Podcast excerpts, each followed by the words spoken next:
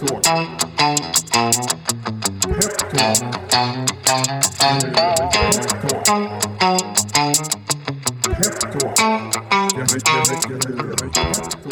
Hej och välkommen till ett nytt avsnitt av Peptalk som leds av mig, Jakob Karlegert. och mig Niklas Danko. Och idag gästas vi av Kamyar Hai Abdullahi, founding partner på Black Invest. Välkommen till Peptalk. Tack så mycket, kul att vara här. Kul att ha dig här. Innan vi dyker in i Black eh, och hur ni arbetar med er portfölj så är vi lite nyfikna på vem du är och eh, vad, vad du har för bakgrund. Vill du dra det lite kort? Absolut. Eh, Skånepåg, eh, flyttade till Uppsala och pluggade juridik och eh, kom ursprungligen från Iran och har i princip under hela mitt liv eh, alltid tyckt det var kul att göra affärer. Eh, inte varit särskilt framgångsrik i det första halvan av livet, eller det, ännu mer skulle jag säga.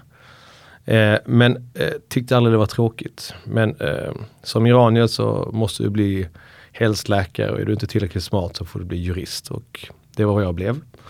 Jobbade som jurist i ett par år. Eh, tyckte det var kul, lärorikt. Eh, men saknade den kreativa processen av att få bygga. Eh, och eh, fick en möjlighet eh, 2012 att börja jobba på en privat inkubator investmentbolag som hette Serendipity Innovations då.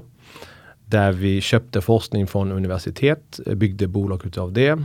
15 olika case och då var det allt från att hitta första betalande kunden till att börsnotera ett bolag till att sälja ett bolag. Så att egentligen the whole shebang. Väldigt lärorikt och första gången jag egentligen kom i kontakt med att bygga bolag på ett systematiskt sätt. Och det har präglat mig väldigt mycket. Eh, och från 2017 till det jag sysslar med idag så har det egentligen handlat om att hitta olika typer av mönster som att man kan kapitalisera på där vi gör en bedömning på att marknaden har en, en betalningsvilja bra och dåliga tider. Och då har jag dels investerat från egen balansräkning men också tje- 2019 lanserat eh, Black Invest då, som är en teknikfond i tidig fas och nu är vi inne på vår eh, andra fond. Två barn, ska snart fylla 40, har lite panik över det. Eh, ja, det är jag. Härligt. Riktigt härligt. Eh, Just för att gå in på Black Invest då. När man går in på Black Invest hemsida så har ni slogan We are company builders in the valley of death. Vilket både låter lite läskigt men även väldigt spännande givetvis. Vill du förklara för lyssnarna vad Valley of Death innebär? Ja, det finns lite olika tolkningsutrymme för det om man googlar det. Men det kommer egentligen från våra egna erfarenheter av att ha byggt bolag i väldigt tidig fas. Där man förr eller senare hamnar i ett hönan och ägget moment. Man känner att man börjar få traction, marknaden gillar det man vill ha. Men man har för lite kassaflöde för att kunna satsa ännu mer. Och vänder man sig till investerarlandskapet då eh, och vi tittar på i det här fallet då venture capital, eh, tillväxtfonder av olika slag. Ja, men då, då letar man efter den här legendariska hockeyklubban som så få bolag har. Eh, och där är det flertalet bolag som inte lyckas få den finansieringen. Och, eh, man har änglar oftast, eh, men där tar det slut och då börjar tillväxten att avta men många komponenter som står rätt till. Det kallar vi för dödsdalen. Brist på kapital. Allting är inte klart än för att liksom, eh, resan ska vara färdig. Det krävs att man kavlar upp armarna och kör på ett tag till. Och, och ehm, där tycker vi är skitkul att hänga. Man, då får vi vara med och bygga bolag. Vi får jobba med kapitalet också. Eh, och förhoppningsvis då ta dem förbi dödsdalen.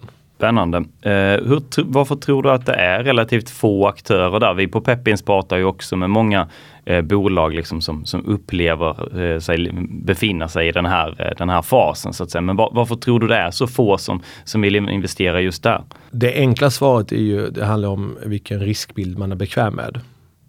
Sen tycker jag dagar som detta så sätts det ett ytterligare ett perspektiv på det. Och vad jag menar med det är att vi, vi kommer från en tid där pengar mer eller mindre har varit gratis. Så att riskjusteringen efter det har varit annat än det vi ser idag. Så att desto tidigare jag engagerar mig i bolag som är i början av sin kommersialiseringsfas, desto större risk är det att man kanske inte kommer ut ur dödsdalen. Eh, så det tror jag avskräcker många investerare av olika slag. Och jag skulle säga om man inte har, är villig att uh, ha en mer aktiv roll i den typ av investering så är risken hög att man kommer att misslyckas. Då borde man gå in i en senare fas och i så fall betala en premie för en sån värdering också. Skiljer det sig tycker du mot när man går in liksom i en, en tidigare fas? Eh, alltså engagemanget i bolaget som krävs? Nu kan jag tala utifrån mina egna erfarenheter. Dels som entreprenör och som investerare. När vi började bygga bolag i tidig fas så var investeraren en en passiv investerare, de tillhandlar kapital och det är i sig inget fel på det för det är ett viktigt drivmedel för att bygga bolagen det vi har lärt oss gång på gång att det är aldrig linjärt att bygga bolag. Um, och många gånger så tjänar vi inte pengar på det vi faktiskt har byggt utifrån där idén fanns. Vilket gör att uh, man behöver hjälp, man behöver råd. Uh, och det är rätt gött ibland att ha någon som har gått på några miner som kan säga undvik det där. För de, de kommer definitivt. Uh, så att jag tror att svårt att inte ha de glasögonen och engagera sig så tidigt. Å andra sidan så är avkastningen något helt annat. Um, men det är jäkligt jobbigt. Jag är inte ens 40, jag har haft grått hår i 10 år. Så det, det sätter prägel. För jag tänker på det och du återkommer egentligen till den frasen hela tiden. Bygga bolag, bygga bolag, ja. bygga bolag. Även fast ni då är ett investmentbolag som många kanske förknippar bara med att här är en påse pengar. Um, vad är det ni ser i den här fasen som andra aktörer missar? Är det att ni tar en väldigt aktiv roll i era investeringar? Ja, men dels, de, dels så är, är vi bolagsbyggare för att de flesta av som jobbar på Black idag har kommit från att de har byggt egna bolag. Men det är primärt bolagsbyggare och inte investerare. Sen är vi en AIF-fond eh, och fondförvaltare per definition. Men det är eh, hävstången kapital och vår tid som gör att vi tror att vi kan vara lyckosamma och applicera vår systematik i den fasen. Eh, så det är ju det vi kan. Eh, vilket gör att på något sätt för att förenkla det så vi har ett mönster som vi tror håller. Eh, och så sätter vi på den mallen på bolagen när vi analyserar dem. Och ser vi att våra investeringskriterier är uppfyllda då bedömer vi att det är hög sannolikhet att vi kan generera en god avkastning till våra investerare. Och då kliver vi in. Men då är vi också så pass fyrkantiga att det behöver uppfylla våra investeringskriterier. Det behöver uppfylla den mallen. Och det behöver också uppfylla den typ av kompetens vi har i Black för att vi ska kunna hjälpa till. Annars gör vi inte det, då är vi fel typ av investerare. Vill du berätta lite om hur den här liksom, mallen ser ut? Hur, hur ser liksom ett, ett, bolag ut som passar väl in i, i just Blacks investmall? Absolut. Ja, grundkriterierna handlar om att, eh, ska man sammanfatta det med lite tjusiga ord, eh, hållbart bolagsbyggande över tid som ofta är digital infrastruktur. Och vad, vad, betyder det då? Men om vi pratar om hållbart bolagsbyggande. För oss har det alltid handlat om att vi gör en handfull investeringar som vi jobbar väldigt nära till hands. Vi är oftast med och påverkar den kommersiella utvecklingen. Tekniken är många gånger väldigt bra. Man har de första betalande kunderna. Och när man börjar titta på värdekedjan så har vi också sett att de är spadarna i Klondiken. De säljer aldrig guldet och det tycker vi är intressant för det innebär också att man kan sälja till andra vertikaler än bara i guldruschen. Det tror vi är viktigt. Och många gånger så är datan som genereras strukturerad och används för både kunderna men även kundernas kunder. Det sammantaget och när man börjar analysera och se att det kostar inte särskilt mycket att nyttja det här och det är affärskritiskt. Då har vi ett grundrecept där vi tror att är vi med och finurlar lite på hur vi ska jobba med tillväxten i det här bolaget så kommer det hålla över tid. Vare sig vi pratar lågkonjunktur, högkonjunktur och olika typer av kriser inom vissa branscher så är det rimligt att anta att det här borde hålla.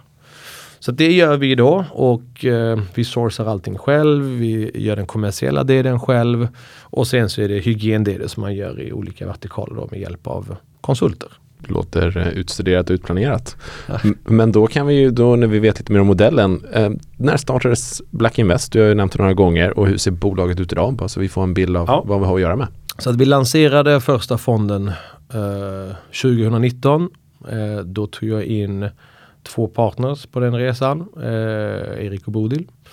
Och eh, I första closing tog vi in 100 miljoner kronor.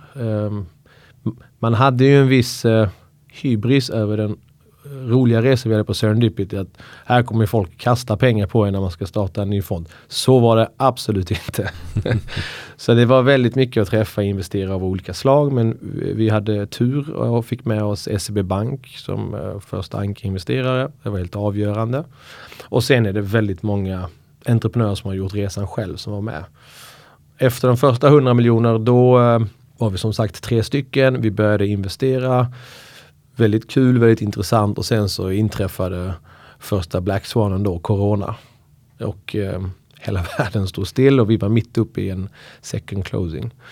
Eh, men så här med facit i hand så fick vi ju våra bolag som vi hade hunnit investera i, de fick ju bevisa sig då. Om det funkar eller inte. Och, och eh, det vet vi ju nu att de, många digitala trender som fanns då är ju liksom commodity idag. Man pratar inte som trender utan det blir påtvingat. Så det gick ju bra för de bolagen. Vilket gjorde att vi kunde stänga andra fonden nästan ett år senare. Då tog vi in 200 miljoner. Och så har vi gjort sex investeringar inom sex olika vertikaler. Och pengarna tog slut med vår sjätte investering eh, strax innan eh, julen 2021. Och sen så eh, tog vi ett litet uppehåll eh, och gjorde en first closing i andra fonden eh, på eh, 250 miljoner i samtid när kriget började. Så inte återigen en optimal timing för att starta fond. Eh, och då växte teamet också från eh, tre till tio personer. Eh, vilket är kul och då har vi ju hunnit, även vi själva är ju en startup. Så att, mm, idén av hur vi ska bygga bolag systematiskt som vi kallar för the black box. Den grunden har vi ju också itererat ett par gånger med våra bolag och reviderat nu så att den ser lite annorlunda ut. Så I dagsläget är vi eh, fyra personer som jobbar heltid med investeringarna och fyra personer som jobbar heltid med att vara med och bygga bolagen, alltså the black box. Och sen så har vi eh, ett par studenter då eh, som hjälper oss att och sourca. Så det är vi idag. Jag tänkte på hur länge löper eh, fonderna? Liksom hur, hur, lång tid, eh, hur lång tidshorisont ligger de här investeringarna? Kollar vi formaliamässigt så är det standard 10 plus 2 år. Sen bedömer vi att livscykeln för, eh, för oss och vår fond det kommer vara ungefär fem år. Det tar oss cirkus två år att investera och det tar oss ytterligare tre år att eh, starta vår exitprocess. Varför vi har den typ av ägarhorisont, att vi, vi bedömer att där kommer IRM bli väldigt bra för oss och det är ju bra för våra investerare också. Sen har vi strukturerat vår fond på ett sådant sätt att vi delar ut pengar efter varje exit. Det är viktigt för att skapa någon slags likviditet i en annars väldigt illikvid tillgång. Um, och uh, sen kan man välja om man säljer allt man äger eller börjar sälja delar utav det. Så, liksom, tittar man utåt så är vi ju i dödsdalen. Så vi försöker ju egentligen göra de här bolagen mer bankable. Så att andra typer av investerare som är vana att kliva på senare kan kliva in och många gånger de som kanske ska börja köpa av secondaries från oss eller andra industriella aktörer. Superintressant. Eh, vad har ni för portföljbolag i dagsläget till exempel? Massa bra portföljbolag. Härligt. ja, men, eh, för att ge exempel, vi har eh, ett bolag i, i första portföljen, eh, alltså fonden som heter Hydda. Det är ett bolag inom PropTech, alltså teknik inom fastighet. Det, vi tycker det är ett jätteintressant område, världens största tillgång. Digitaliseringsgraden är väldigt låg. Vi tittade på ett hundratals bolag under covid-perioden. Hittade många bra bolag med begränsad tillväxt. Och så intervjuade ett gäng fastighetsbolag och märkte att det finns ett gap mellan vad man faktiskt har, vad man behöver. Men man har heller inte kompetensen för att kunna köpa in det. Så där såg vi ett, ett eh, momentum att kunna bygga den bryggan. Det kan vi inte göra själva. För vi har inga kvadratmeter. Så att då approcherade vi Vasakronan som är Sveriges största fastighetsbolag inom det kommersiella. Och tillsammans så grundade vi Hydda. Där idén är att vi eh, ska bygga ett marketplace för proptech-produkter som vi tror fastighetsägaren kan komma att behöva över tid. Och det har resulterat i Vi grundade tillsammans i januari 2022. Idag eh, finns vi i 18 länder i Europa, har 220 kunder, har förvärvat sex bolag. Eh, går jättebra, växer fint organiskt också. Digital infrastruktur.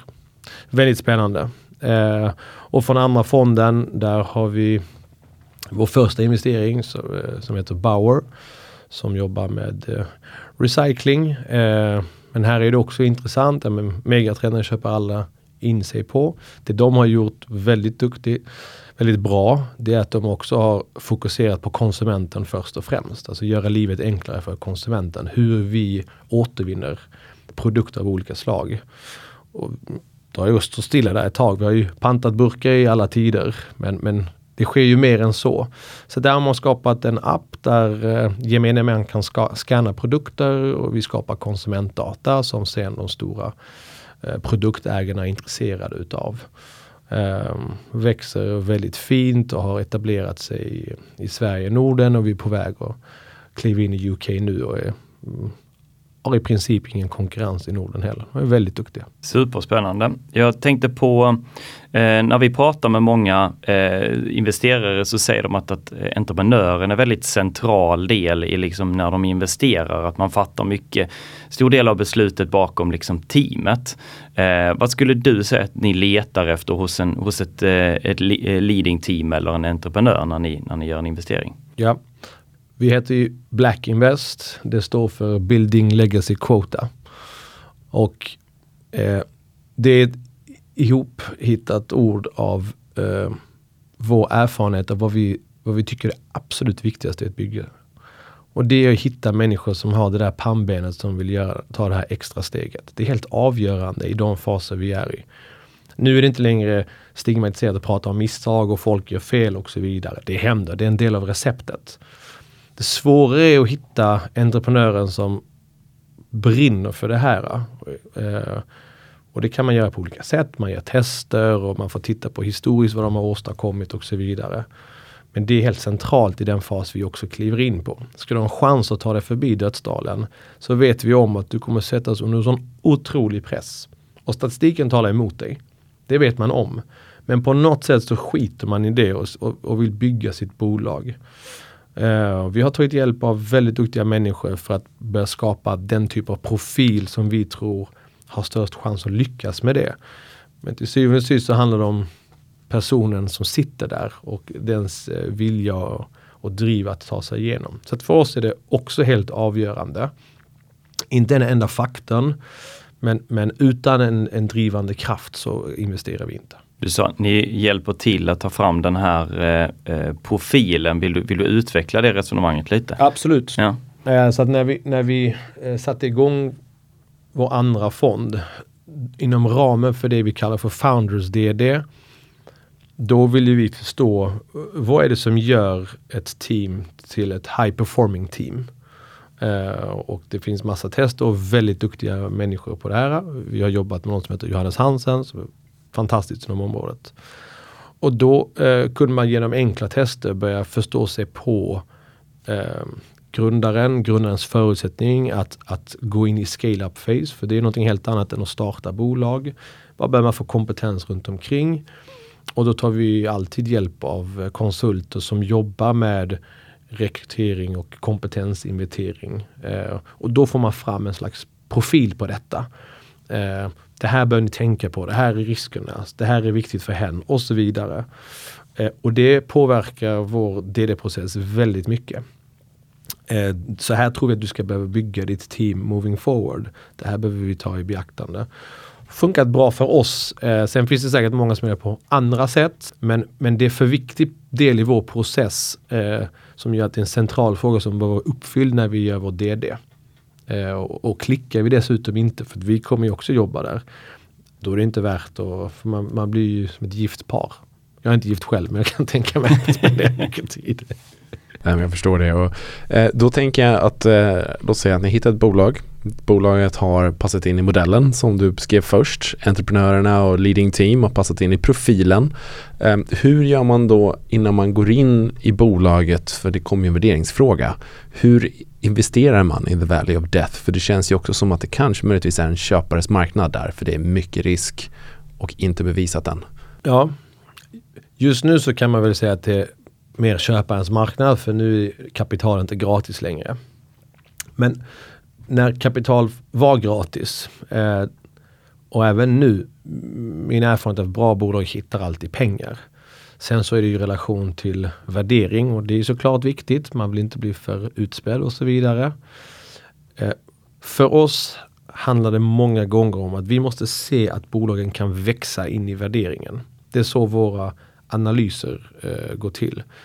Och det kan, försöker vi utläsa genom att helt enkelt eh, eh, rewinda bakifrån och se men vad behöver bolaget vara för att vi ska kunna sälja på bolaget med tillräckligt bra avkastning. Och är det rimligt att anta med de, den historiska data som oftast är begränsad och se om de kan komma dit. Vi landar nästan alltid där. Jag säger nästan för det finns undantag. Inom den ram som vi, eh, alltså B2B affärskritiskt, då behöver man också kunna växa oorganiskt. Så att då har vi en modell där vi tittar på att man ska kunna växa organiskt, kommer väldigt långt på det. Men för att ytterligare mitigera och säkerställa att man når den nivån som vi tror så måste man också göra förvärv. Då behöver vi sätta en, en, en värdering och multipel efter det. Just det. Eh, jag tänkte på, har du några tips till en eh, entreprenör som liksom befinner sig i det läget nu att man har kanske rest pengar från Family and Friends och eh, affärsänglar men man är inte riktigt där än att man kan liksom ta in pengar från ett private equity eller VC-bolag. Alltså man finner sig i den här Valley of Death. Hur, hur ska man tänka som entreprenör? Då finns ju vi. Så då ska man höra av sig till oss. Nej men eh, det viktigaste tror jag generellt är att skapa förtroende.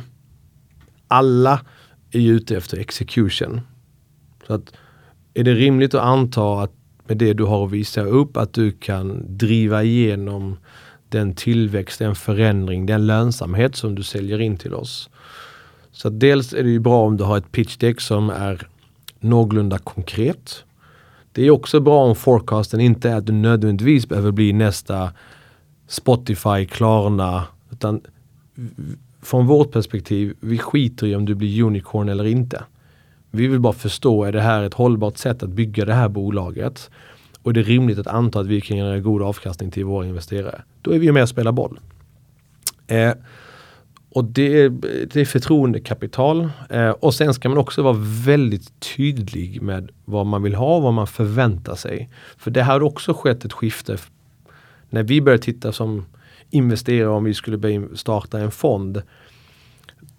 Det fanns ett visst glapp mellan entreprenör och investerare också. Eh, I, inte minst hierarki men också villkor och förutsättningar och så vidare. Den tror jag generellt har förändrats till fördel för entreprenörer. Eh, investerare är mer medvetna om det. Men sen har ju många investerare också börjat nischa in sig. Så vad är du ute efter? Är det bara kapital med hög värdering? Då kanske du ska förhålla dig till passiva änglar eller family office som egentligen inte vill lägga sig till men de gillar dig och så får du pengarna. Men när du vill ha någon som har gjort det igen, vill någon som är väldigt duktig på ett visst område, då kanske värderingen inte ska vara lika viktigt för dig. Eh, så att Tydlighet eh, i vad man är ute efter i den fas man befinner sig i. Det tror jag är jätteviktigt. Och sen dödstalen idag som sagt, vi, vi stortrivs här, det är skitkul. Men det är också mycket svårare nu. Nu har det ju också skett ett eh, eh, Sentimentet har blivit annorlunda. Man kan inte längre prata tillväxt på samma sätt. Vi tycker tillväxt är jättebra men det måste, som vi alltid har haft, det måste vara hållbar tillväxt.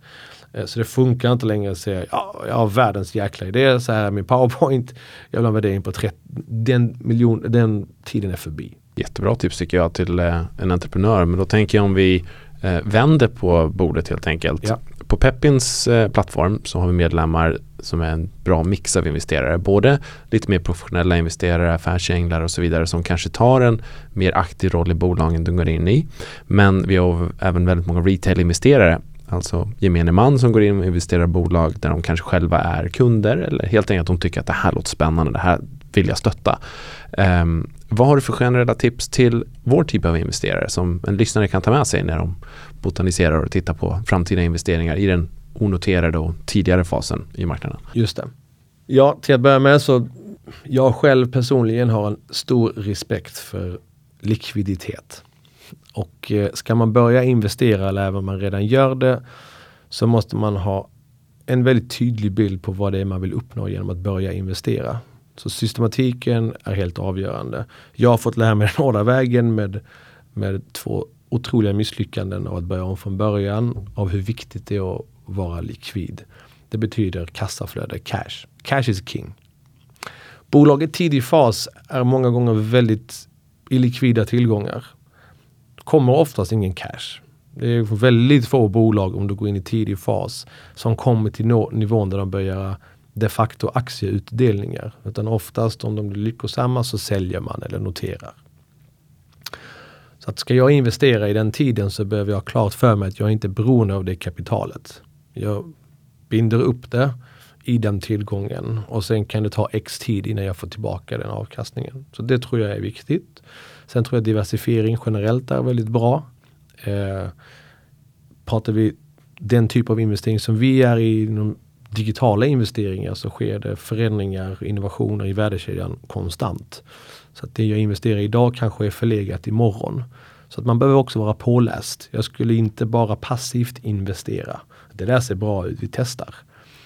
Eh, så det tror jag är rätt bra. Eh, och sen så ska man heller inte skämmas för att ta sig tiden att träffa människorna bakom det. För då har vi konstaterat från alla håll att ganska så viktigt att entreprenörerna håller måttet.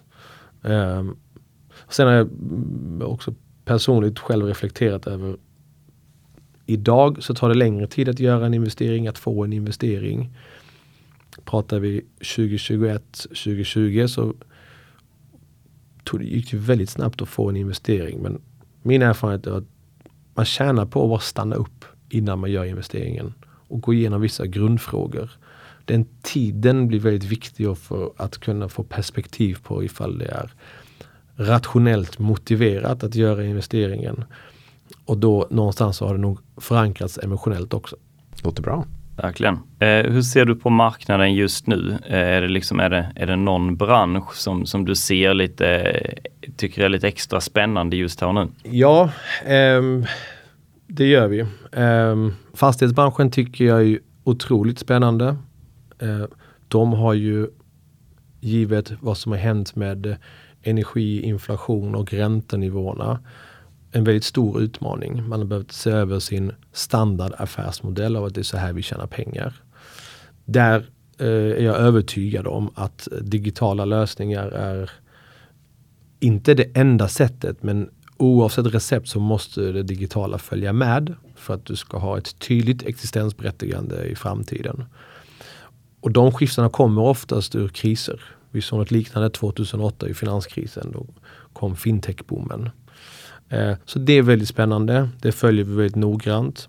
Eh, en annan intressant, det är inte en trend i sig, men givet hur marknaden ser ut så finns det otroligt mycket talang och kompetens nu som är tillgängligt. Så människor som har varit med och byggt upp många av våra stora bolag, de är tillgängliga som man kan rekrytera. Och det har varit jäkligt svårt generellt att hitta och attrahera den typ av talang och kompetens. Eh, så att väldigt fin timing att börja starta och bygga bolag på. För många av grundingredienserna finns i Sverige i dagar som detta. Superintressant spaningar. Positiva också. Ja. Mm. Nej men det, det, det, det, ska du ha, vad roligt. Um, för då tänker jag att när det är tuffare tider och det finns talang och det är en bra tid att börja bygga bolag och givetvis då en bra tid för er att titta runt och se vad ni kan hitta. Um, ser du att i den oro som vi just nu befinner oss i och hur lång den blir, vem vet. Ser du en ökad eller minskad transaktionstakt eh, i det nära perspektivet? Sitter folk på händerna just nu och kanske inte tar vara på de här ändringarna? Eller är det nu man, de kommer börja göra affärer? Det är inte samma transaktionstakt som det var 2021 eller ens första kvartalet 2022. Det är det inte, det upplever jag inte. Däremot så eh, är det många som har hållit i pengarna Q2 2022 fram tills eh, innevarande kvartal som vi är inne i nu. Man vill se hur saker och ting utspelar sig. Men det som har skett är ju att värderingarna har ju anpassat, anpassats. Behovet av kapital finns fortfarande och det finns också bra bolag som presterar i de här perioderna. Så nu har jag ett par kvartal där jag kan börja analysera och se att ja, men, här finns det nog utrymme att eh, investera och binda kapital till en, en, en bra premie. Varför inte? Så det, det, det tror jag kommer, kommer göras men inte i, i lika stor takt. Den andra delen som vi ser har börjat ske mycket mer, det är ju förvärv. Vi har jobbat med förvärv väldigt länge och har en del av vår modell. Men det är många bolag nu som inte lyckas få finansiering. Eh, för den, den typ av investerare är mer sparsam just nu. Och då vill man ju kanske kroka arm med en annan istället för att eh, ha chans att övervintra och överleva. Och då är mergers and acquisitions väldigt intressant. Eh, och det ser vi mycket mer utav. Eh, och även från vårt eget, egna del, många av de kommande investeringar vi gör nu. Det handlar om att kombinera PE-modell och VC-modell där buy and build blir centralt. Är det någonting som ni ofta liksom har med då i, i, i ett ingående skede att ja, men här kan det potentiellt bli en, en mergers and acquisitions affär längre fram liksom, där, man, där man bygger på bolaget på det viset? Alltid. Mm. Vi, vi, har det som, som, som grund alltid. Ja. För att återigen, vi är early stage tillväxtinvesterare. Så vi, vi ska ju också hitta tillväxt i en marknad där tillväxt har blivit ett skällsord. Eh, så att då vill vi dels eh, kunna eh, förvärva för att få in diversifiering, för att få in kunder billigt och att få in ett bra kassaflöde, alltså vinst på sista raden. Men vi har ankarteknologin som vi vill investera i. Så kan vi direkt säga att här kan du köpa legacy-produkt för att få kassaflöde och kunder. Och du får, du får en schysst kapitalstruktur med både bankfinansiering och tar ett kliv uppåt i näringskedjan det är ett bra momentum i en marknad som detta när det också är inom situationstecken mellandagsrea. Och om vi lutar oss mot eh, det du just nu har delat, vart eh, tror du att du befinner dig själv och vart finns Black om, ska säga, om tre år? Ja, jag får alltid ont i magen av att spekulera för då, då kommer någon gång komma om tre år och säga det här sa du på ja, den här podden. Det, det, det vill jag att du ska utgå ifrån. Eh, jag tror att eh, Black om tre år eh, har eh, breddat sin, eh, eh, sina produkter och de typer av fonder som vi gör. Idag är det mycket eh, ja, men, hållbart bolagsbyggande inom infrastruktur. Det kommer definitivt komma inom eh, inom ramen för ESG. Vi tittar väldigt mycket på S1, alltså eh, social hållbarhet. Där ser vi goda förutsättningar för eh, investeringar med väldigt bra avkastning. Det har vi haft svårt att hitta. Och jag tror också att vi kommer att eh, påbörja mer åt buy, buyout-hållet, alltså private equity. Det är därför vi, vi, många av oss kommer. Så att om tre år så har vi minst startat en fond inom social hållbarhet och även något inom buyout. Strålande. Mm. Så innan vi, tack för att du kom hit. Hur vän, vart vänder man sig om man vill lära sig lite mer om Black och är nyfiken på vad ni gör? Hemsidan är rätt bra eh, och man kan alltid mejla oss. Eh, vi är väldigt snabba på att eh, höra av oss. Eh, vi gör ju all sourcing själva så att eh, vi, vi, är på tårna. Härligt att höra. Toppen. Men tack så jättemycket för att du vill vara med i Peptalk idag. Kul att ha dig här. Tack för att du var med. Tack så mycket. Och då drar vi en disclaimer också. Kom ihåg att investeringar i noterade och onoterade bolag innefattar risker. En aktieinvestering kan sjunka i värde och det är inte säkert att en investerare får tillbaka satsat kapital eller något kapital alls. Ingenting som sägs i denna podcast ska anses vara rådgivning och tidigare resultat är inte en garanti för framtiden.